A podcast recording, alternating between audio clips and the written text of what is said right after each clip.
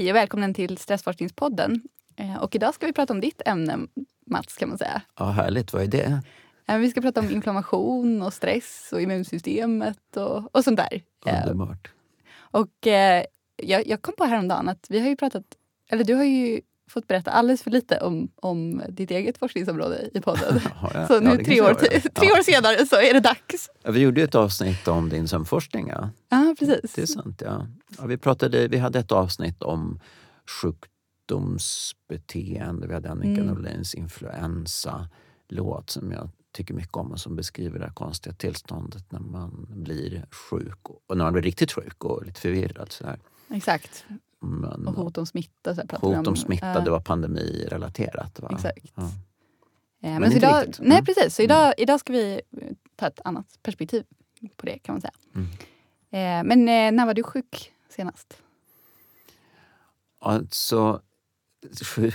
jag, jag var faktiskt sjuk med avsikt häromdagen för bara ett par veckor sedan. Och då var jag försöksperson åt mig själv. Vi skulle pilota hur stor dos av ett bakteriellt ämne vi skulle injicera och testa procedurerna och hanteringen av det här då på, i de nya lokalerna vi skulle använda. Det vill säga att vi har ett ämne från en typ, viss typ av bakterie, bara en, en del av cellväggen som vi kan injicera i människor och då uppfattar immunsystemet det som att det är en infektion, som att det är en riktig bakterie. För det är som en, ett ID-kort eller en flagga eller en signal om att det är en bakterie. Det är, bara, det är ingen riktig bakterie, det är bara en del av bakterien. Så då svarar immunsystemet och skickar en inflammationssignal till hjärnan. Eller hjärnan uppfattar att det finns inflammation ute i kroppen och då blir man sjuk i några timmar, så det är en sjukdomsmodell. Så jag var ganska sjuk faktiskt i någon halvtimme eller någonting sånt där. Just då var det inte så kul, men resten av dagen var jag lagom sjuk. Och då när man är sjuk i goda kollegors lag och man vet att det går över och man är lite så patologiskt intresserad av det här ämnet, då är det en ganska fin upplevelse. Alltså in, man är sjuk på ett intressant sätt, eller jag ska uttrycka det så. Men en halvtimme där ungefär, då var jag dålig. Tyckte att det här är... Jag orkar inte fylla i frågeformulär. Det är jättejobbigt. Jag måste gå på toa. Folk fick nästan... Att de gick efter mig sen skulle jag svimma. Men det tror jag inte jag skulle göra. Ja, men i alla fall, sen, sen har jag varit så här småförkyld. Men, men det var jättelänge sedan jag var riktigt, om jag hade liksom som en influensa så att jag verkligen var utslagen i flera dagar. Det var många, många, mm. många år sedan. Men det, det minns jag väldigt starkt. Jag nästan regrederade i den här sjukdomsupplevelsen. Just det, och det där, eh, den studien som du, du nämnde lite kort, det ska vi också komma tillbaks till. Men om man tänker både när du var sjuk då i, i, i studien och, så, och när du har haft de här, den där jättejobbiga influensan. Vilka symptom tycker du är jobbigast när man är sjuk? Jag tycker vanligtvis att det här att saker och ting inte är roliga längre, alltså anhedoni, att man inte njuter av vanliga saker, är, det är väl kanske det som är värst. Alltså att livet är ganska tråkigt och, och deppigt. Eh, jag menar vanliga såna här symptom, snorighet och sånt där är jobbigt också. Men, men den där lite så uppgivna känslan, den är inte rolig. Det är också det första jag brukar erfara om mm. jag om jag håller på att bli sjuk så börjar det med att jag tycker att saker och ting inte är roliga. Jag fattar inte varför. Bara att så här, jag vill, cykeln vill stanna ungefär om jag cyklar eller om jag går. och jag vill gå hem. Och sen kommer, just, sen kommer symptomen som, har, som är mer tydliga för en infektion. Alltså att, det, att jag har kanske förkylningssymptom. Då. Eh, och då inser jag att ja, just det, jag håller på att bli, bli sjuk. Men, men du, vad, när var du sjuk senast och vilka symptom tycker du är värst? Men jag, jag är sjuk hela tiden just nu. Jag ja, brukar, egentligen, ja, men jag brukar inte vara så sjuk. Men, men mm. det här året har, som jag tror för många andra, varit ett sånt år när, när man åker på förkylningar stup i kvarten. Så jag, det var väl två veckor sedan senast jag hade en förkylning då jag, jag hade feber och sådär.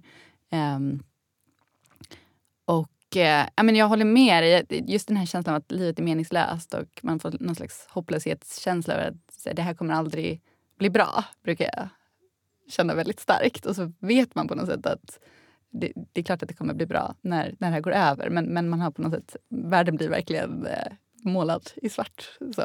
Ja. Eh, men, men eh, sist jag var sjuk så blev det också... Nej, det var inte sista gången, men, men näst sista gången då, då tappade jag rösten totalt. Och även om inte det... Det kändes på något sätt inte lika tungt men det var så otroligt handikappande eh, för allt, allt, allt att jag, jag, skulle ha gått jour den natten och sen så kunde jag inte få fram ett pip. Eh, och, och, det var ju också såklart jobbigt. Eh, så både, både de här generella symptomen, som att man tappar lusten och sådär, är ju jättejobbiga. Men även eh, en del ja, direkta konsekvenser som Just snorigheten brukar jag tycka är okej, men om man mm. tappar rösten... Det, ja, det är hemskt. Hosta är också väldigt jobbigt. Ja. Stör sömn. Ja. ja. ja, det stör sömnen och det är på något sätt socialt lite jobbigt. Eh, för jag tänker att man fortfarande... Man kan ju ha hosta flera veckor efter att man har haft en förkylning. Och då mm. sitter man inte hemma från jobbet och samtidigt känner jag mig rätt obekväm med att börja hosta eh, på jobbet för att det finns fortfarande, ja, sen pandemin inte minst, en, en eh, kanske rädsla för att att visa sig sjuk i, i offentliga miljöer. Nej, verkligen. Jag minns att, att jag på en flygplats när, när det började bli klart att det var en pandemi på gång hörde en person i närheten som nös och eh, den här, hela den här delen av flygplatsen blev bara knäpptyst. Mm. Mm. Ja men verkligen. verkligen. Man är fortfarande lite i det tänket. Ja. Får jag berätta en anekdot? Du får klippa bort den sen Sandra om du vill. Om, om när jag var sjuk för länge sedan. Jag, jag gör en, och då, hade, då var jag som, inte helt ung, men halv ung vuxen kan man säga. Så jag hade en, en svår influensa. Så att, då, dels var jag så, eh, så dålig så att jag jag kunde, det var inte att tänka på att gå och handla eller så här, utan, jag, utan jag låg där i sängen dag efter dag och bodde ensam. Och, eh, det enda jag kunde göra under någon kort period där, det som jag orkade, det var att då gick jag upp, då förflyttade mig till en soffa och lyssnade på Astrid Lindgren som läste Mio min Mio. Oh. det tyckte jag att jag klarade av. Så här. Sen stapplade jag tillbaka till sängen igen. Och, men efter den här influensan så var jag väldigt trött väldigt länge och då mm. hade jag ett erbjudande om att åka till ett ställe som jag gärna vill åka till och då hade jag behövt köra bil. Och det, jag kände att det, det, finns inte på kartan att jag kör bil för att jag hade någon slags, som jag uppfattade som postinfektuös trötthet. Alltså när influensan var över. Mm. Ja, det är ju svinjobbigt det också. Och vi kan, ska vi prata lite nu kanske direkt vi kan prata lite senare om det här med, med trötthet i det långa perspektivet också. Ja, det, för det har ju också, det jag, det har du också intresserat dig för. Eh, men, men jag tänkte, har du någon favoritskildring av sjukdom i relation till alla de här symptomen i, i den kulturella sfären? Någon, någonting som du Ja men, ja, men det har jag ju. Eh, egentligen, egentligen ett flertal skulle jag säga. Men jag måste nog ändå välja Edvard Munch. Som, där kom han. där kom han, ja precis. Ja, ja precis. Och eh, eh, jag tycker att han är otroligt bra, var, otro, är otroligt bra konstnär. Verkligen. Och väldigt mycket av hans skildringar handlar ju om olika typer av tillkortakommanden av sjukdom och död, svartsjuka, lidande, han har en tavla som heter Stanken av död, en annan som heter Dubbelt självmord. Han har en där, där han föreställer sig att han blir obducerad av sin läkare. Mm. Eh, men många, och, och det, det finns eh, målningar av personer som ser ut så där som jag tycker i viss mån att vi får människor att se ut med våra sjukdomsmodeller, den här bakteriemodellen som jag nämnde. Det att man sjunker ihop, tappar hållningen, eh, blir blekare mm. om kinderna. Så att det är väl mina favoritskildringar av sjukdom. Mm, och, och du? Nej, men, eh, det här är ju ändå eh, ditt område. Så, där, så jag har nog liksom, jag har nog ärvt eh, din ingång där lite grann. Eller jag vet inte, jag, jag tycker att varje gång man pratar om det här så, så kommer ju mugg upp. Så att jag, jag, ja, det är ett jävla tjat om Ja men verkligen. Så, så jag håller med. Men ett annat exempel som jag kommer att tänka på nu inför, inför det här avsnittet med kulturkoppling är ju en låt eh, som handlar om, om eh, feber. Och det, det, är ju på något sätt ett, ett kanske av de tydligaste tecken på att immunsystemet är aktiverat och att eh, liksom, inflammationsprocessen är igång. Eh, men, men den här låten handlar ju inte direkt om sjukdomsfeber utan den handlar liksom om feber mer i överförd bemärkelse, liksom när man pratar om ja, men, kärleksfeber eller sådär. Och, och det använd, alltså feber kan just eh, användas lite mer i den kontexten. Jag tänkte att vi skulle spela lite eh, av den här låten.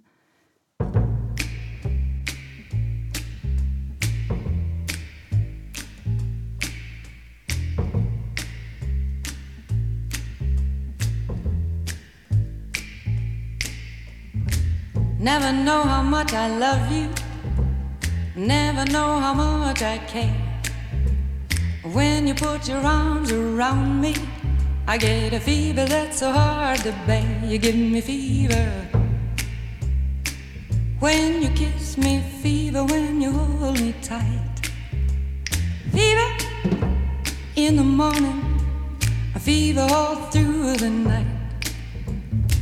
Sun lights up the daytime, moon lights up the night. I light up when you call my name, and you know I'm gonna treat you right. You give me fever when you kiss me, fever when you hold me tight. Fever in the morning, fever all through the night. Everybody's Got the fever, that is something you all know. Fever isn't det är för övrigt en bra låt, tycker jag. Ja, det tycker jag också. Man blir så här, ja, blir...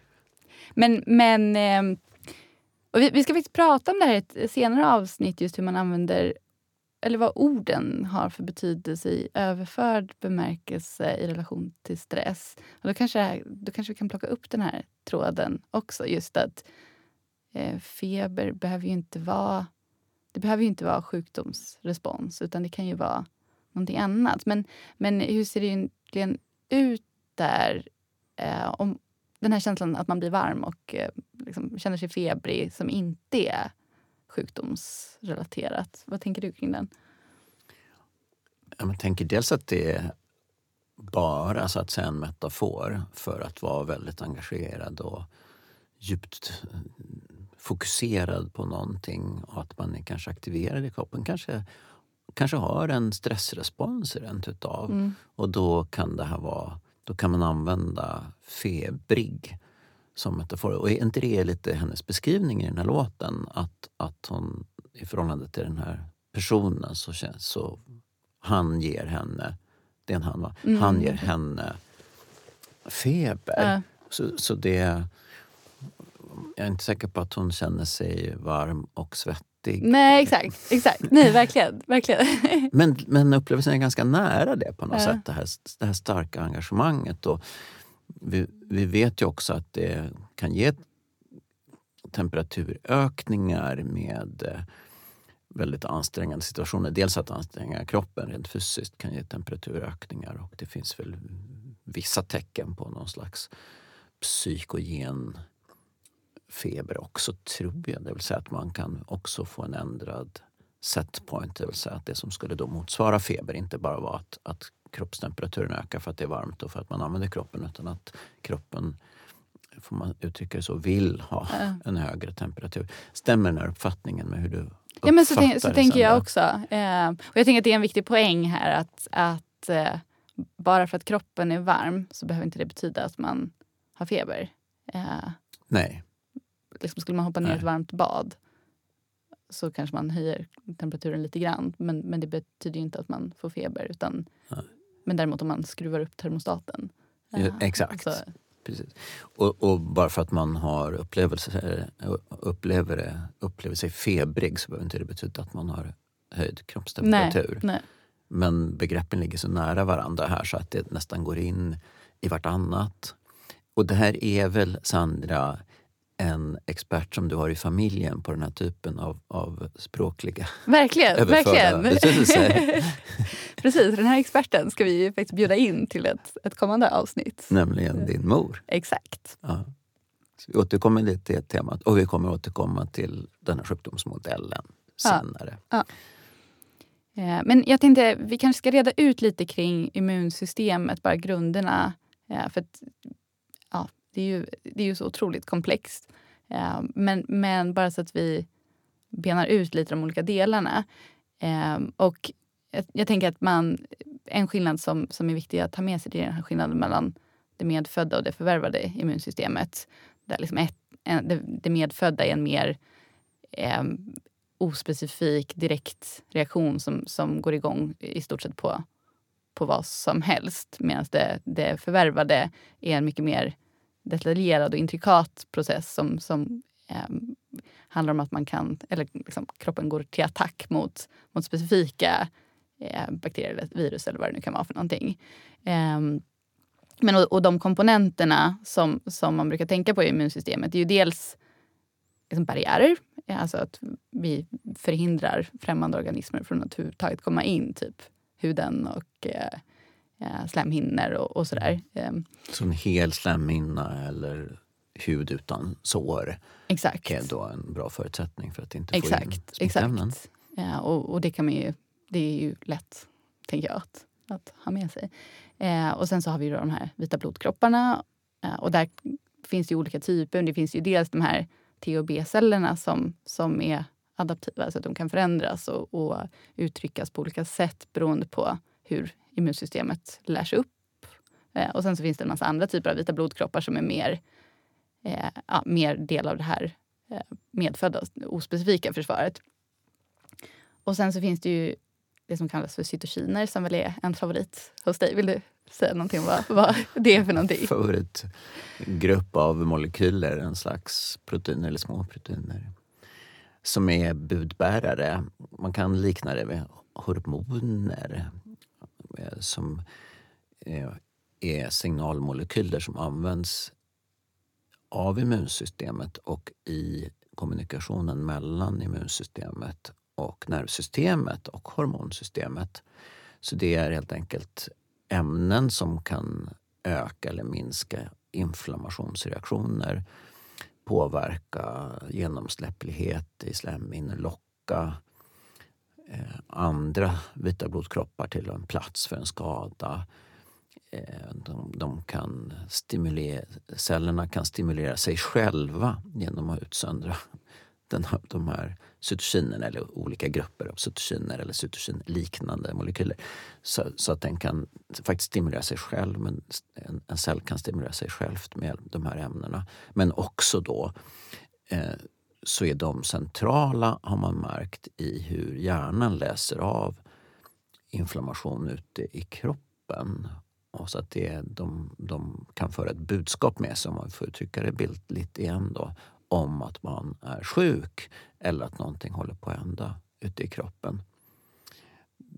Vill du lägga till någonting kring det där? Nej, det är väl en, en bra eh, förklaring. tänker jag. Vi kanske återkommer just till mm. den här mm. signaleringen ännu mer alldeles mm, strax. Men, eh, sen kanske man också ska nämna antikroppar som ju är del av systemet också som utsöndras från, från vita blodkroppar men som också är del av det här specifika försvaret. Jag tänker i i, nu har det varit aktuellt att prata mycket vaccin mm. eh, och antikroppar är en, en viktig del där. Att man eh, ja, också har en, en märkning av, av eh, specifika virus eller specifika bakterier till exempel som, som antikroppar kan reagera på. Mm. Det är en slags eh, receptorer kan man likna det vid som kan skickas ut på export som ja. tillverkas av vissa celler i, i, i stora mängder och som då kan skickas ut från den här producerande cellen, en, en B-cell, en slags fabrik för, för eh, antikroppar. Mm. Och de kan också använd, sprutas in direkt vid en vaccination till exempel. Precis, de, det, det, finns en massa olika typer och, och, vi behöver kanske inte gå in på alla detaljer där, men, men de kan ju liksom antingen fungera som att de märker upp en cell för, för någon, an, alltså någon annan del av immunsystemet eller så kan det vara att de mm. själva neutraliserar Precis. det ämnet som kommer in. Ja. Eller så kan det vara Eh, men, och de, de kan ju också vara... Eh, det finns ju vissa typer av antikroppar som är relevanta vid till exempel allergi som är också en inflammations... Eh, ja, ett, ett, ett, en situation där inflammationssystem, eller immunsystemet går igång. som vi ska prata lite mer om sen också. Och sen så bara det sista eh, systemet vad gäller immunsystemet är ju något som kallas för komplementsystemet som är en proteinkaskad kan man säga, liksom en, en förstärkare mm. för att eh, mm. dra igång vissa av de andra eh, processerna. Eh, det tänker jag är de viktigaste komponenterna i immunsystemet. Mm. Har vi glömt någon? Ja, de där barriärerna kan vi säga, de är ju liksom fysiska barriärer men de är också kemiska. Att de kan ha en ogästvänlig, eh, vara en ogästvänlig miljö med vad det gäller pH-värde till exempel. Och det kan finnas ämnen där som är giftiga för ett smittämne. Just det. Sen, sen finns det en annan aspekt som, eh, som inte kanske är del av immunsystemet riktigt på samma sätt som de här men, men eh, som ändå är väldigt relevant. Jag tänker såklart på beteende och så. Eh, vill du säga någonting om, om beteendets roll i immunförsvaret? Vi har ju pratat om det i ett tidigare avsnitt. Men, men. Eh, ja, men vi nämner det lite grann här för det är väldigt relevant för det vi ska prata om också med, med kommunikation med hjärnan och för stress. Eh, och det är helt enkelt att eh, det här stora hotet som infektion har utgjort för levande organismer, mycket stort, har då behövt bemötas på väldigt många, på så många sätt som möjligt skulle jag nog säga. Och då kommer beteende in som en del av ett försvarssystem. Alltså defensiva emotioner av olika slag. Eh, och dels kan det vara då att eh, undvika situationer där man kan bli smittad. Så man kan till exempel känna avsmak eller misstänka att någonting eh, är giftigt eller kanske smittsamt snarare. Då. Eller att en person verkar sjuk eller så. Så att det här att reglera närheten till smittsamma situationer och miljöer och människor, eh, det, det är en viktig del. Och en annan del är det som har undersökts egentligen ganska, numera ganska länge skulle jag säga. Det är den här sjukdomsreaktionen när man blir så här trött och eh, smärtkänslig och eh, tappar lusten till saker som man normalt mm. sett gillar att göra, ändrar aptit och eh, får lite ändrat sömnmönster och så. Det är ju ett, eh, så vitt vi kan förstå faktiskt, ett försvar därför att man om man känner sig på det sättet så beter man sig annorlunda och sparar energi.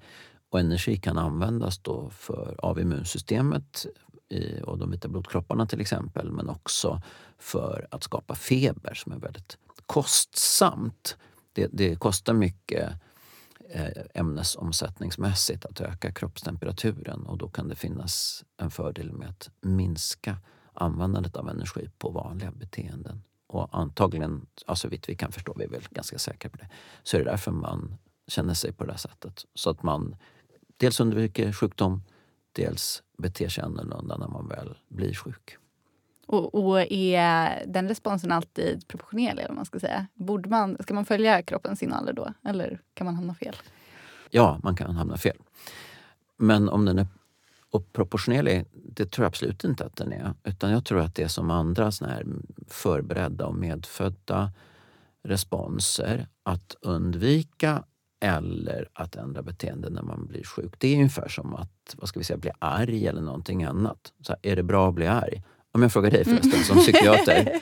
Sandra, är det bra att bli arg? Ja, det beror på. Eller rädd. Ja, exakt. Ja. Man vill inte vara utan vare sig rädsla, smärta eller aggression. Men vi vet att alla de där fenomenen måste regleras så att det blir lagom mycket. De är mm. bra för överlevnaden men vi kan få problem om vi har väldigt mycket oro eller ångest, rädsla. Alltså, då leder det till stora problem. Och det verkar vara likadant här. Eh, det är en medfödd tendens att undvika och det är en medfödd tendens att, eh, att spara på energi.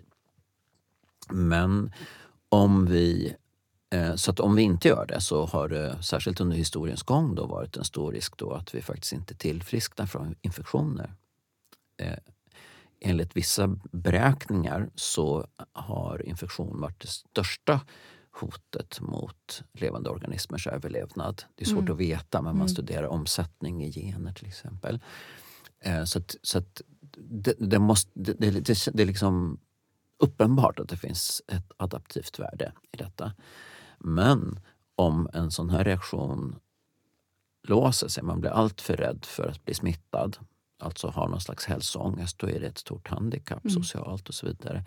Och har man en sjukdomsreaktion så att man är väldigt trött och nedstämd, undviker saker, eh, inte äter, eh, kanske sover för mycket eller sover dåligt, har, eh, kanske inte jobbar och så, då är det också en uppenbar nackdel. Så att regleringen där är väldigt viktig. Och precis som för rädsla och eh, ångest och sådär så är det, verkar situationsberoende. Kan man säga någonting om, om eh, ifall det här alltså beteendeeffekterna, är de eh, starkare kopplade till det medfödda jämfört med det förvärvade mm. immunsystemet? Ja, men det tror jag det är faktiskt. jag menar om vi tittar på kopplingen, signaleringen mellan immunsystemet och hjärnan då är det framförallt den här medfödda grenen av immunsystemet, det som reagerar snabbt, som påverkar beteendet. Det är inte bara det medfödda faktiskt, utan det är även signalämnen som hör till det eh, adaptiva eller specifika. Vilket ord använder du här? Det finns flera ord. Ja, nu, vad sa jag? Förvärvade? Förvärvade, ja. ja precis det vill säga det som är specifikt då för ja. exakta antigen, alltså vissa mol exakta molekyler som ska kännas igen. Så delar av immunsystemet som har mer med det att göra på, också, påverkar också hjärnan. Men framförallt är det det medfödda som ändrar beteendet och det kanske är rimligt att man snabbt mm. efter en, eh, en, snabbt efter att man träffar på ett smittämne till exempel ska ha det här ändrade beteendet. Det finns flera fördelar med det så det kanske är naturligt koppling där till det medfödda. Skulle ja. jag säga. Ja, ja, ja det känns ju som det. Men Sen finns det effekter av stress också där så på, på längre sikt och på, på det förvärvade utan tvekan. Precis, och, och det leder oss ju osökt in på kopplingen till just stress, eh, stresssystemet och HPA-axeln. För vi har ju nämnt lite grann att eh, immunsystemet kommunicerar med hjärnan och vi kanske återkommer mer till det. Men, men immunsystemet kommunicerar ju också med den här HPA-axeln som vi pratade om i stressfysiologi-avsnitten. Mm. Eh, ska vi börja med att lyssna på en intervju som, med en av forskarna som gjorde en, en av de banbrytande upptäckterna där kanske? Ja, men det gör vi. Och det, forskaren heter Hugo Besedowski så att han tillsammans med sin fru Adriana Del Rey eh, som har jobbat i eh, Schweiz och i Tyskland. Jag tror att de är kanske från Argentina från början. Jag är inte helt säker, jag tror det.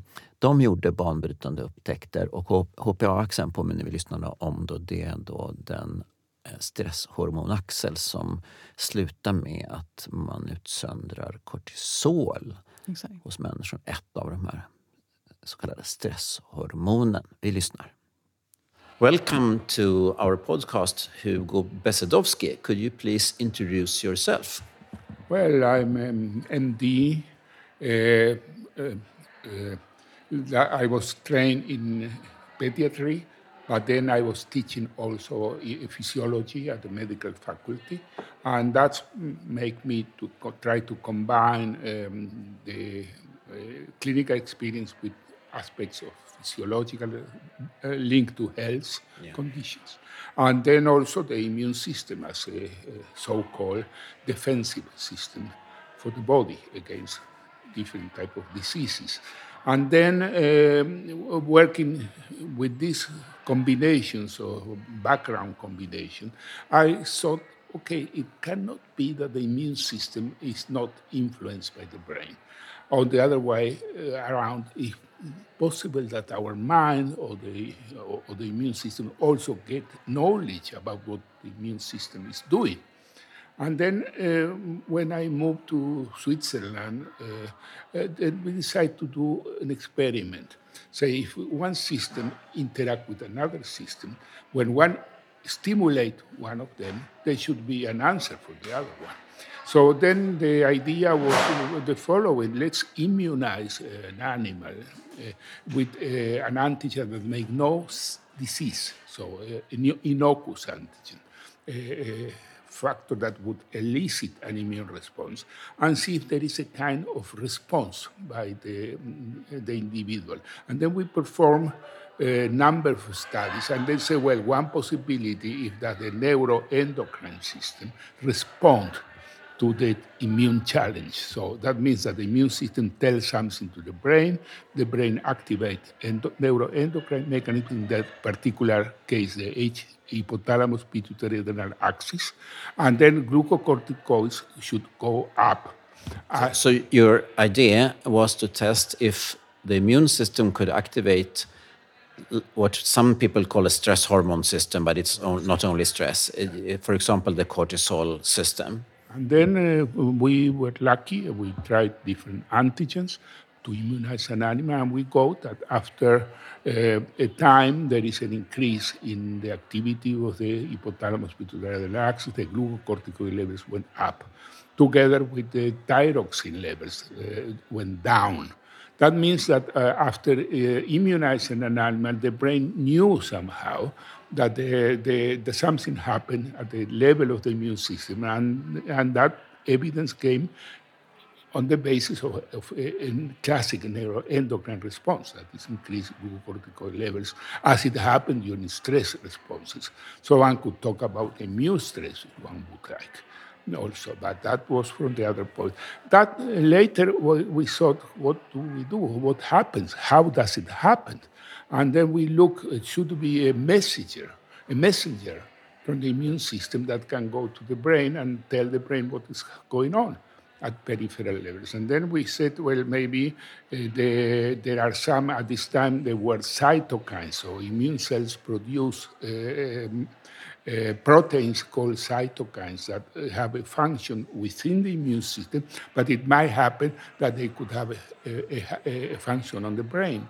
Um, circulating in the brain. Some of them, for example, were pyrogenic, for example. Uh, that means that somehow the, the cytokine can uh, tell the brain to increase, uh, to change the set point of thermoregulation and increase the levels of uh, the, the temperature, uh, um, fever. Then uh, we uh, took cells from the immune system, uh, from the animal, put them in vitro, stimulate in vitro, and then look if the supernatant uh, can produce a stimulate the HPA axis. And finally did.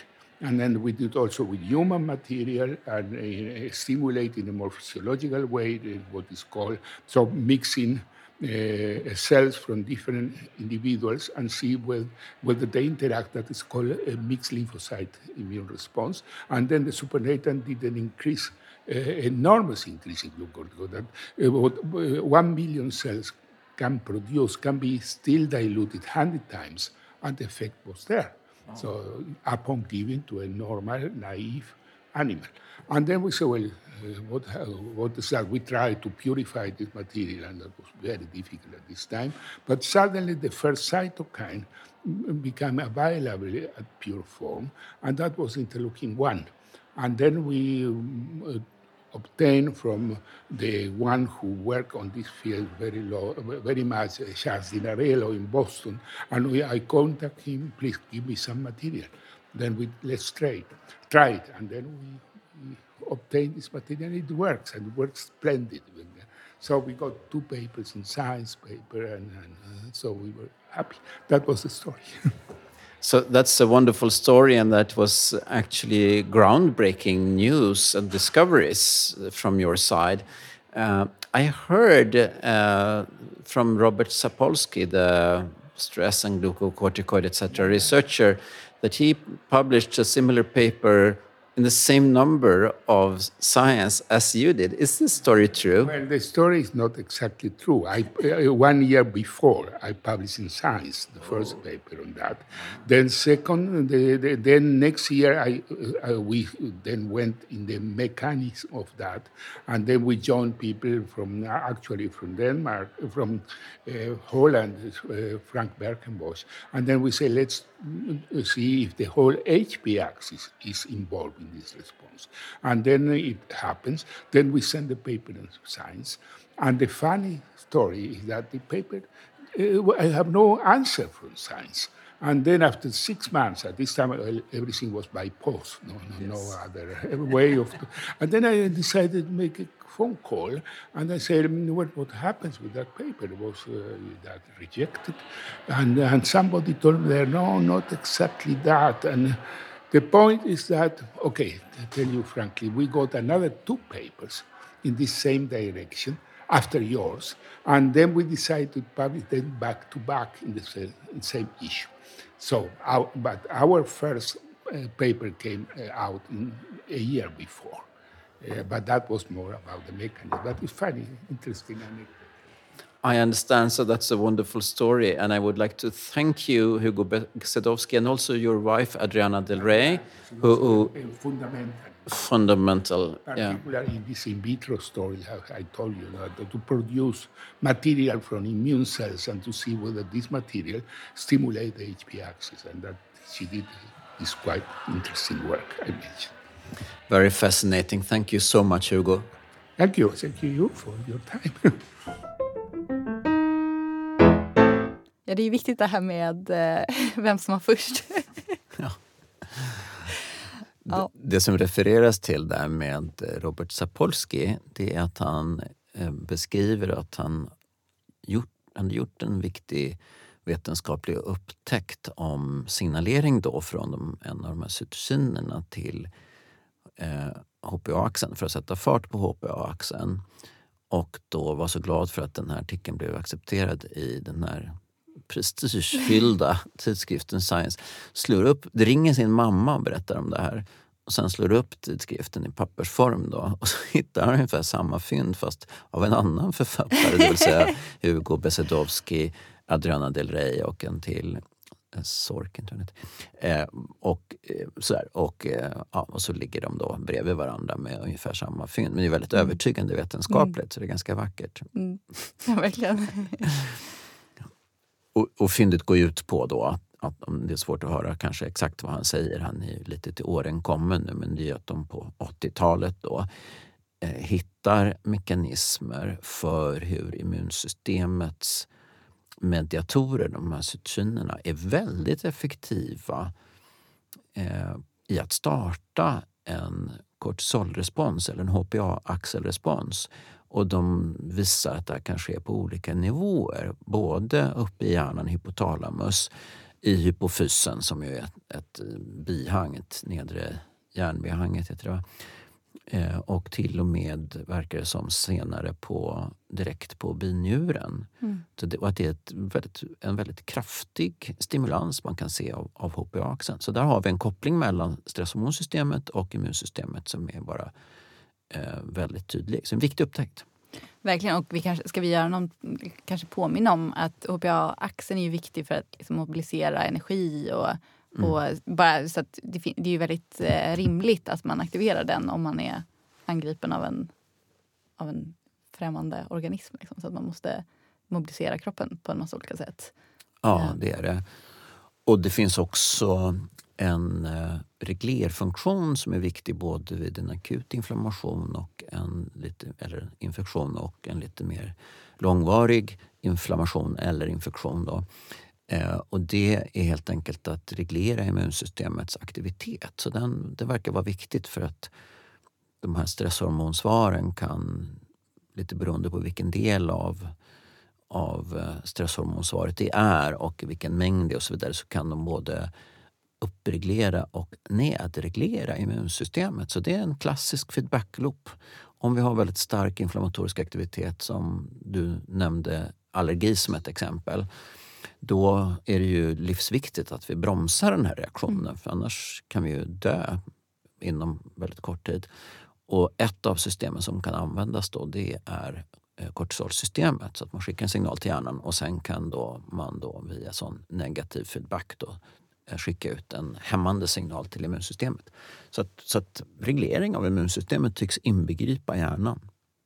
Det här tog väldigt lång tid mm. för eh, immunologerna att acceptera kanske hjärnans roll i immunsystemet. Mm. Så att, men, men nu kan man säga att det är klarlagt att immunsystemet aktiverar hjärnan och KPA-axeln och vice versa. Eh, alltså det, som du säger, det är en feedback-loop eh, som går runt. Kan man säga någonting om eh, vilken effekt som är starkast?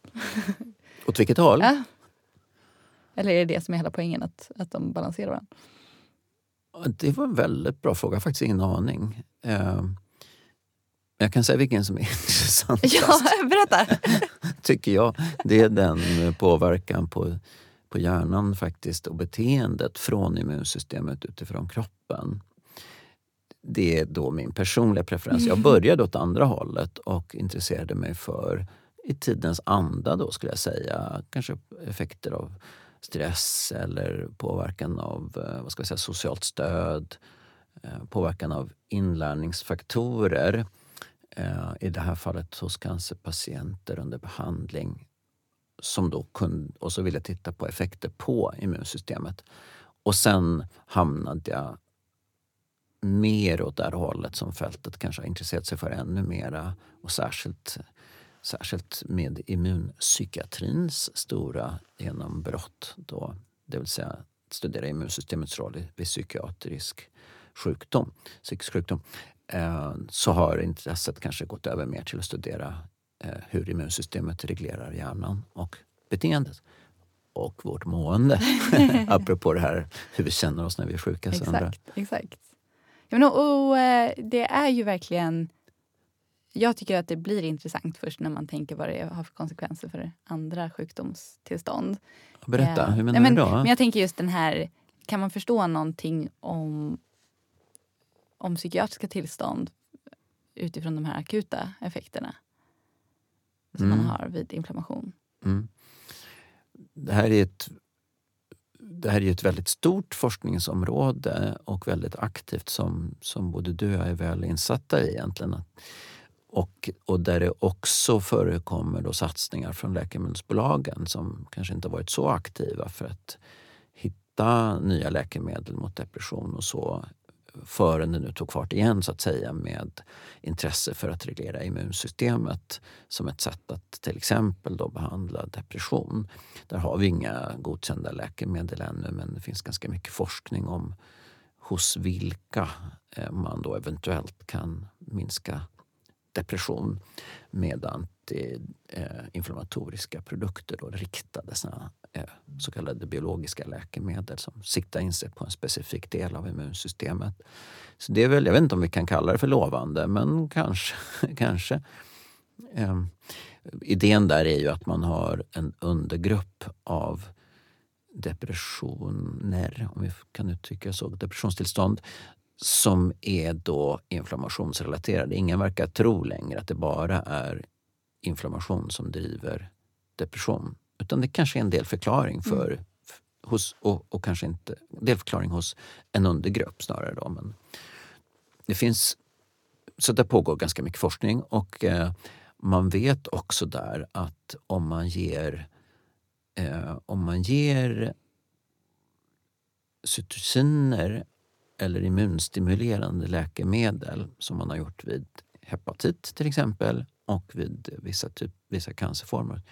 Hepatit tror jag inte man gör det längre men då kunde man ge ett ämne som heter interferon och då såg man att personerna utvecklade ett sånt här sjukdomssyndrom och eh, det kunde vara kanske hälften av alla patienter som fick allvarlig trötthet. Mm och kanske någon tredjedel som utvecklade egentlig depression. Det är ett ganska starkt argument att vi kan driva de depressions, depression, kanske mm. vi kan uttrycka det som, då, med immunsystemet. Men hur mycket det förklarar den, liksom den naturliga förekomsten av, av depression, det är väl lite mer det är väl lite oklart skulle jag ändå säga. Verkligen, och man kan väl verkligen också lägga in brasklappen att depression är så otroligt heterogent som ja, tillstånd. Så den diagnosen är ju jättesvår att ja. säga någonting om. Men jag tänker också det, det här som du var inne på. Det verkar ju ändå eh, vara så att en subgrupp av depressionspatienter har förhöjda inflammationsmarkörer. Utan tvekan. Det ja. fyndet ja. är ju på något sätt ett av de mer stabila, eller vad man ska säga. Ja, det är det. Eh, men, men vad det står för och vad som är eh, mekanismen och, och vad som är eventuella eh, liksom störfaktorer eller compounders och sånt tycker jag fortfarande är, är ganska oklart. Ja, men det håller jag med om. Jag, och jag tänker att det är lockande med den här likheten mellan det akuta sjukdomstillståndet när vi får en infektion och den depressiva fenotypen mm. eller deprimerad. Alltså det, vi har de här aptitförändringarna, vi har anhedoni, där att man inte gillar att göra saker man vanligen gillar. Man är känsligare för bestraffning det är svårare för, för belöningskänslor, eh, sömn, aptit, trötthet. Så här, det liknar topografiskt himla mycket depression så det är väldigt lockande och då sen drar den slutsatsen att inflammation är inblandat mer, mer i depression som ett sjukdomstillstånd. Men jag tycker att det är intressant att om man har personer med inflammatorisk sjukdom eh, så, är, så är depression ett ganska vanligt, en ganska vanlig komorbiditet. Och det tycks då minska om man behandlar med såna här biologiska läkemedel som riktar in sig på specifika delar av immunsystemet. Mm. Det är ett ganska intressant faktum mm. tycker jag. Men jag tänker lite på det som du har gjort också där Sandra med eh, immunsystem och hjärnfunktion och som berör möjligheten och kanske svårigheten att mäta kronisk inflammation eller mäta det på det stället mm. där vi är mest intresserade, det vill säga hjärnan. Mm. Vill du berätta om det? Nej, men vi, vi har varit intresserade av, eh, eller i ett par olika sammanhang så har vi försökt använda allergi då som en modell för inflammation. Och där, vi nämnde allergi lite kort, men det är också ett tillstånd när man har ett inflammationspåslag, även om det skiljer sig eh, i viss mån från, från en akut inflammation vid förkylning eller vid liksom någon infektion så, eller vid de här experimentella modellerna där man injicerar bakterieämnen. Men då tänkte vi att allergi kunde fungera mer som en modell för, för ett kroniskt inflammationspåslag i viss mån eftersom man eh, vid pollenallergi då till exempel har en ganska stor del av året när man, när man har förhöjda inflammationsmarkörer. Och vi också vet att allergiker har en del symptom just som påminner om, eller på gruppnivå i alla fall, har en del av de här depressiva symptomen. De är tröttare, de är mer nedstämda, de eh, har en del kognitiva svårigheter som, som liknar det man kan ha vid depression. Eh, och då gjorde vi en studie där, man, eller där vi undersökte de här individerna med något som kallas för PET, alltså positronemissionstomografi, som är en eh, hjärnombildningsteknik där man eh, injicerar ett, ett radioaktivt ämne, alltså det är väldigt låga doser vi pratar om, men som, som fäster vid särskilda receptorer som, eh, som finns i hjärnan i det här fallet. Då. Och sen så mäter man hur mycket de har fäst på olika ställen utifrån hur mycket eh, hur mycket radioaktiv strålning man kan uppmäta. Och igen, alltså det här är ju jättelåga nivåer vi pratar om. Eh, men, men OPET är ju en metod som är bra för att mäta vissa saker. Det har gjorts stora upptäckter när man, när man mäter till exempel dopamin eller andra signalsubstanser i, i hjärnan. Eh, och det som är så häftigt är att man kan titta på ja, processer medan de sker liksom, i, i den levande personen. Men vad gäller inflammation så, så är väl det, det tråkiga att de här liganden, alltså det man, själva ämnet som man injicerar, är inte riktigt tillräckligt bra för att säga någonting om inflammation i hjärnan. De, de, de mäter någonting som kallas för, eller de fäster någonting som kallas för miglia, som är en, en, en cell i centrala nervsystemet som har betydelse för inflammation. Men det finns ju olika typer av mikroglia som både kan vara liksom det som kallas för proinflammatoriska och antiinflammatoriska. Och eh, själva liganden... Eh, när vi började studien så trodde vi kanske att, att eh, jag var inte ens med när ni började, men jag hoppade ju på efterhand. Men, men att eh, det skulle tydligare svara mot en, en, eh, någon slags kronisk inflammation i hjärnan. Men sen har det kommit ganska mycket data som tyder på att det inte är riktigt så enkelt. Uh, så det är jättesvårt att säga någonting om, om eventuellt, eventuella inflammationseffekter i hjärnan. Och det är ju ändå där vi, vi på något sätt tänker att beteendet kanske i viss... Alltså i, i, i, i första hand utspelar sig. Eller att man, det är där upplevelsen av beteendet i alla fall sitter. Så att ofta, många av de här inflammationsstudierna de har ju mätt eh, inflammationsmarkörer i blod och så försöker man uttala sig om, om vad som händer i hjärnan och hitta någon förklaring där. Och det är, är klart att det inte alltid korrelerar, tänker jag. Eh, så där har vi en metodologisk utmaning. Och vi kan väl säga då att när man använder den här typen av spårämnen som, som du använde, då har, man, då har hypoteserna bekräftats om någon slags aktivering av de här cellerna åtminstone som man har tolkat som proinflammatorisk mest i alla fall vid depression. Så där ser vi på över alla olika studier om vi lägger ihop dem att det finns en ökad signalering.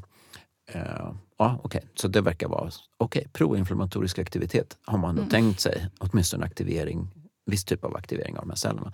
Men sen ser man konstigt nog då motsatsen med mindre aktivitet vid schizofreni mm. som också har en inflammationskomponent, mm. verkar det som, av, när man tittar på andra sätt.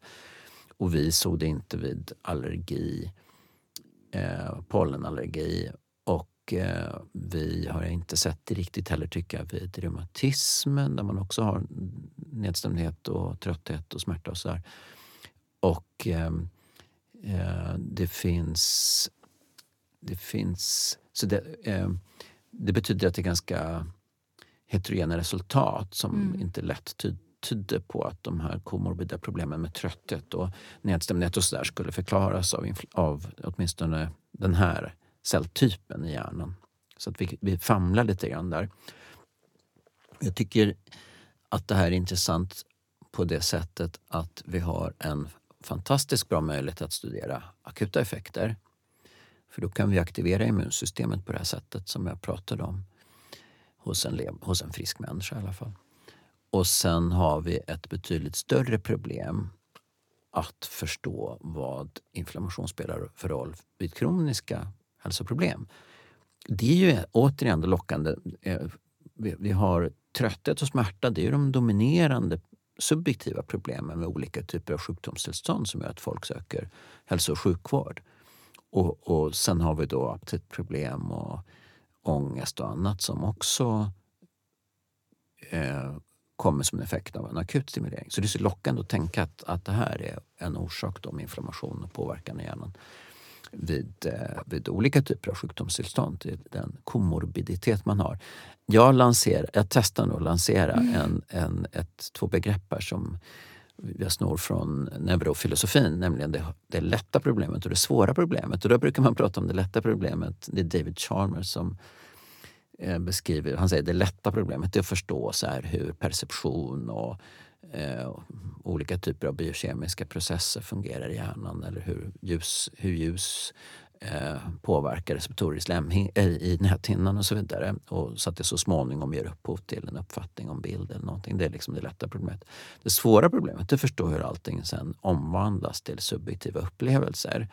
Och här tycker jag att det lätta problemet är att förstå akuta eh, påverkan av inflammation på hjärnan. Och det svåra problemet det är att förstå hur relevant om det är relevant, är då inflammation för de här komorbida problemen man ser. Och eh, involvering i depression. Just, intressant tanke. Jag testar detta. Ja, ja. ja. Men, och, och, tänker du att det i första hand är liksom ett, ett, metodologiskt problem eller är det i första hand ett eh, filosofiskt problem? Eller ja, men jag, tror, jag, jag håller inte riktigt med den här David Chalmers. Jag tror att det är ett metodologiskt problem mm. faktiskt. Att vi har svårt att komma åt de här kroniska processerna och det är förstås svårare att uttala sig om saker över en längre tid. Då kan vi inte utföra experimentella studier och så vidare. Så det finns, det, det, det, jag tycker det är påtagliga metodologiska problem. Jag hoppas att de är, är lösbara med ny teknik. För potentialen är ju fantastisk mm. i så fall. Mm. Ja, det finns väl alltid... Eh, eh, alltså, i, vi har säkert pratat om det i tidigare avsnitt men, men det är ju återkommande på något sätt eh, diskussionen så kallade subjektiva versus objektiva mått i sammanhanget också. Vad, vad de olika faktorerna står för. Liksom. Och, och om man mäter, eh, gör en experimentell manipulation akut så finns det ju kanske vissa saker som man kan observera med nåt som är mer objektivt inom något slags citationstecken. Medan eh, om man tittar på ett längre perspektiv så, så är det ju mycket själv rapporterade symptom. Alltså det, det finns en, en, svårighet där. tänker jag också. Det gör det verkligen. Och vad tänker du om sömn och inflammation? För det är också någonting som förutom stress och inflammation så är sömn och inflammation ett hett ämne mm, med många mm. tankar och teorier och påståenden där. Verkligen. Och verkligen. Men... Jätte, jättebra fråga. Jag, eh, alltså det finns ju en uppenbar koppling mellan immunsystemet och sömn.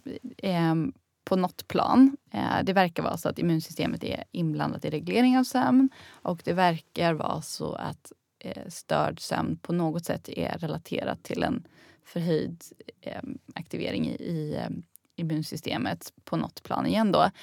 Men, och, och, det finns ett par försök där man har tittat, slagit ihop många studier i så kallade metaanalyser då, där man hävdar att personer som har sömnproblem har en, en, liknande immunaktivering som den här subgruppen av patienter med depression då, till exempel. Och att, det skulle, liksom att inflammation skulle då vara en, en del i kanske till och med utvecklingen av depression. Hos, alltså det skulle kunna vara en mekanism som förklarar kopplingen mellan störd sömn och, och depression. Men eh, ju mer jag försöker förstå det där desto mer skeptisk blir jag till en del av de resultaten. Eh, för att det är så otroligt svårt att separera olika faktorer. Till exempel så är det uppenbart så att personer som har andra kroniska sjukdomar eh, som har en inflammationsaspekt, eh, alltså om man har en cancer eller om man har en, en eh, reumatism eller vad det nu kan vara för någonting där immunsystemet i allra högsta grad är aktiverat, då sover man också sämre. Eh, och många av studierna drar ju slutsatser från, från den typen av data. Eh, Medan de, när man har försökt göra experimentella manipulationer, alltså att man till exempel håller folk vakna och sen mäter påverkan i immunsystemet, de resultaten är inte lika eh, starka eller lika övertygande. Lika, de upprepas inte lika bra när man försöker göra om dem. Eh, så jag vet inte riktigt. Det var inget varken ja eller nej, för jag vet inte. det tycker jag var väldigt bra. Det här ska ju vara ett fördjupat budskap. Vi ska säga sanningen. Exakt. Ja, men, för det, och det, det var lite skämtsamt uttryckt, skämtsamt uttryckt. Men jag säger det därför att det nästan har blivit en sanning det här om att, att man aktiverar immunsystemet om man har en dålig nattsömn. Ja, eller två ja, eller tre ja. vad det är. Och det är inte kanske riktigt lika tydligt då, menar nej, du, eller hur? Som nej. man eh, vill låta påskina. Nej, exakt. exakt. Och det är inte bara din skeptiska läggning som talar här utan det är din klarsyn tror jag. Eller hur? Jag hoppas det i alla fall. jag, jag tror faktiskt också det. Ja. Men, men eh, en annan sak som vi... Liksom, vi har ju nosat ett par gånger nu på de här eh, modellerna för akut inflammation och du har nämnt det här bakterieämnet. Mm. Eh, kan vi inte prata lite om det? Vad är det här LPS för någonting? Ja, men LPS, eller lipospolysackarid som det också heter, kallas ibland för endotoxin. Det är då det här bakterieämnet, ett fragment av cellväggen på en viss typ av bakterier som heter gramnegativa bakterier. Det kan vara från E. coli till exempel. Och då kan man då eh, rena fram det här ämnet och sen så kan man injicera det. Det används mycket i djurmodeller men vi använder det som sagt då hos, på friska människor. Och då händer det att vi efter injektion då så har personerna, om man har fått det riktiga ämnet jämfört med placebo, då, så får man en sjukdomsreaktion. Så att då, då inträffar då efter någon timme eller någonting sånt där en subjektiv förändring eh, av den objektivt också som har att göra med aktivering av immunsystemet. Det, det sätts en jäkla fart på, de här, på produktionen av cytokiner det här som påverkade HPA-axeln till exempel, som Hugo Besadowski berättade om. Och det, det ger en signal till hjärnan som gör att man då känner sig sjuk helt enkelt. Vilka, då, och då är man sjuk ett par timmar. Då kan vi använda den här modellen för att studera hjärnans roll. Alltså vi kan få biologiska korrelat genom att mäta dels immunsystemet men också hjärnan i en hjärnavbildningskamera. Till exempel om vi har en ökad smärtkänslighet, vilket vi kan visa vid inflammation, eh, kan vi också se att vi har annan aktivitet i till exempel smärthämmande nätverk i hjärnan, vilket vi har kunnat eh, visa i en, en studie i alla fall. Och vi kan också studera måendeaspekter, hur man uppfattar sin hälsa. Vi kan studera motivation med olika motivationstest. Vi kan studera interaktion med andra människor. Vi kan studera hur man uppfattar andra människor. Till exempel om man uppfattar större hot från andra när man är sjuk själv. Till exempel hot om smitta, om någon ser sjuk ut. Och inte minst så använder vi det till att apropå den där, för att föra tillbaka det till de sjuka människorna i Edvard Munchs många olika sjukdomstavlor.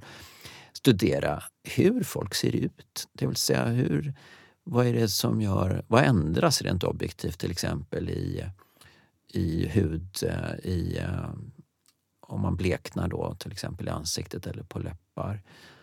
Hur eh, ser folk ut? Ser folk ledsna ut? Går folk annorlunda? Har de annan hållning? Och inte minst då, luktar personer annorlunda? Så tar vi luktprov på de här stackars sjuka människorna och som vi sen kan låta andra människor sniffa på. Så det är liksom en sjukdomsmodell som, som uh, lånar sig till väldigt mycket. Detta. Så det här är, du har ju varit inblandad i ganska många såna här studier mm. vid det här laget. Mm. Vilket är ditt eh, favoritfynd om man kan säga så? Vad är den viktigaste upptäckten som LPS-modellen har? Får jag säga två kart? Det ja, ena är att den, den allmänna hälsobedömningen ändras. Det vill säga man uppfattar sitt generella hälsotillstånd som sämre. Inte bara sjuk just nu utan att man nej, men jag är nog inte så frisk av mig.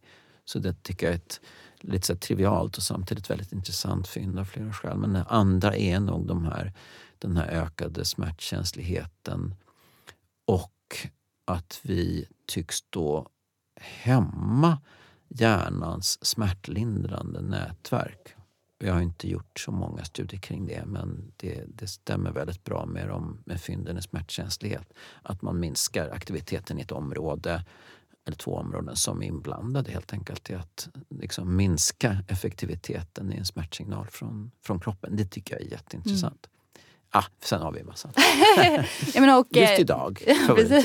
ja, men just nu så har ni en, en ny sån studie som pågår. Mm. Ja, vi borde bjuda hit eh, Julie Laslin som, som driver den studien. Ja, det ska kanske. vi göra. Och då är vi verkligen inne på intressanta effekter av omvårdnad och andra saker som är, och interaktion som är superintressanta.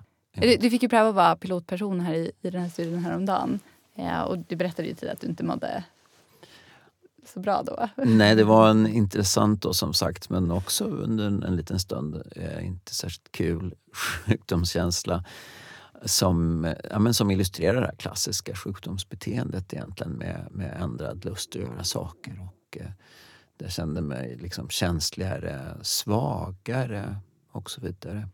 Men nu är du återställd hoppas jag? Nu är jag helt återställd. Det tog ett par timmar. Eh, trött på kvällen, lite Ipren gjorde susen och sen nästa dag var allting som vanligt igen. Vilken tur. Eh, men då så, kul att få prata lite med dig Mats om, om vad du håller på med, eller vad vi ja, håller på med. Äntligen blev jag till. Tack för frågan. Precis. Trodde aldrig du skulle fråga. Nej, exakt. Eh, men och eh, vi återkommer med ett annat spännande avsnitt framöver. Så tack för idag. Tack så mycket.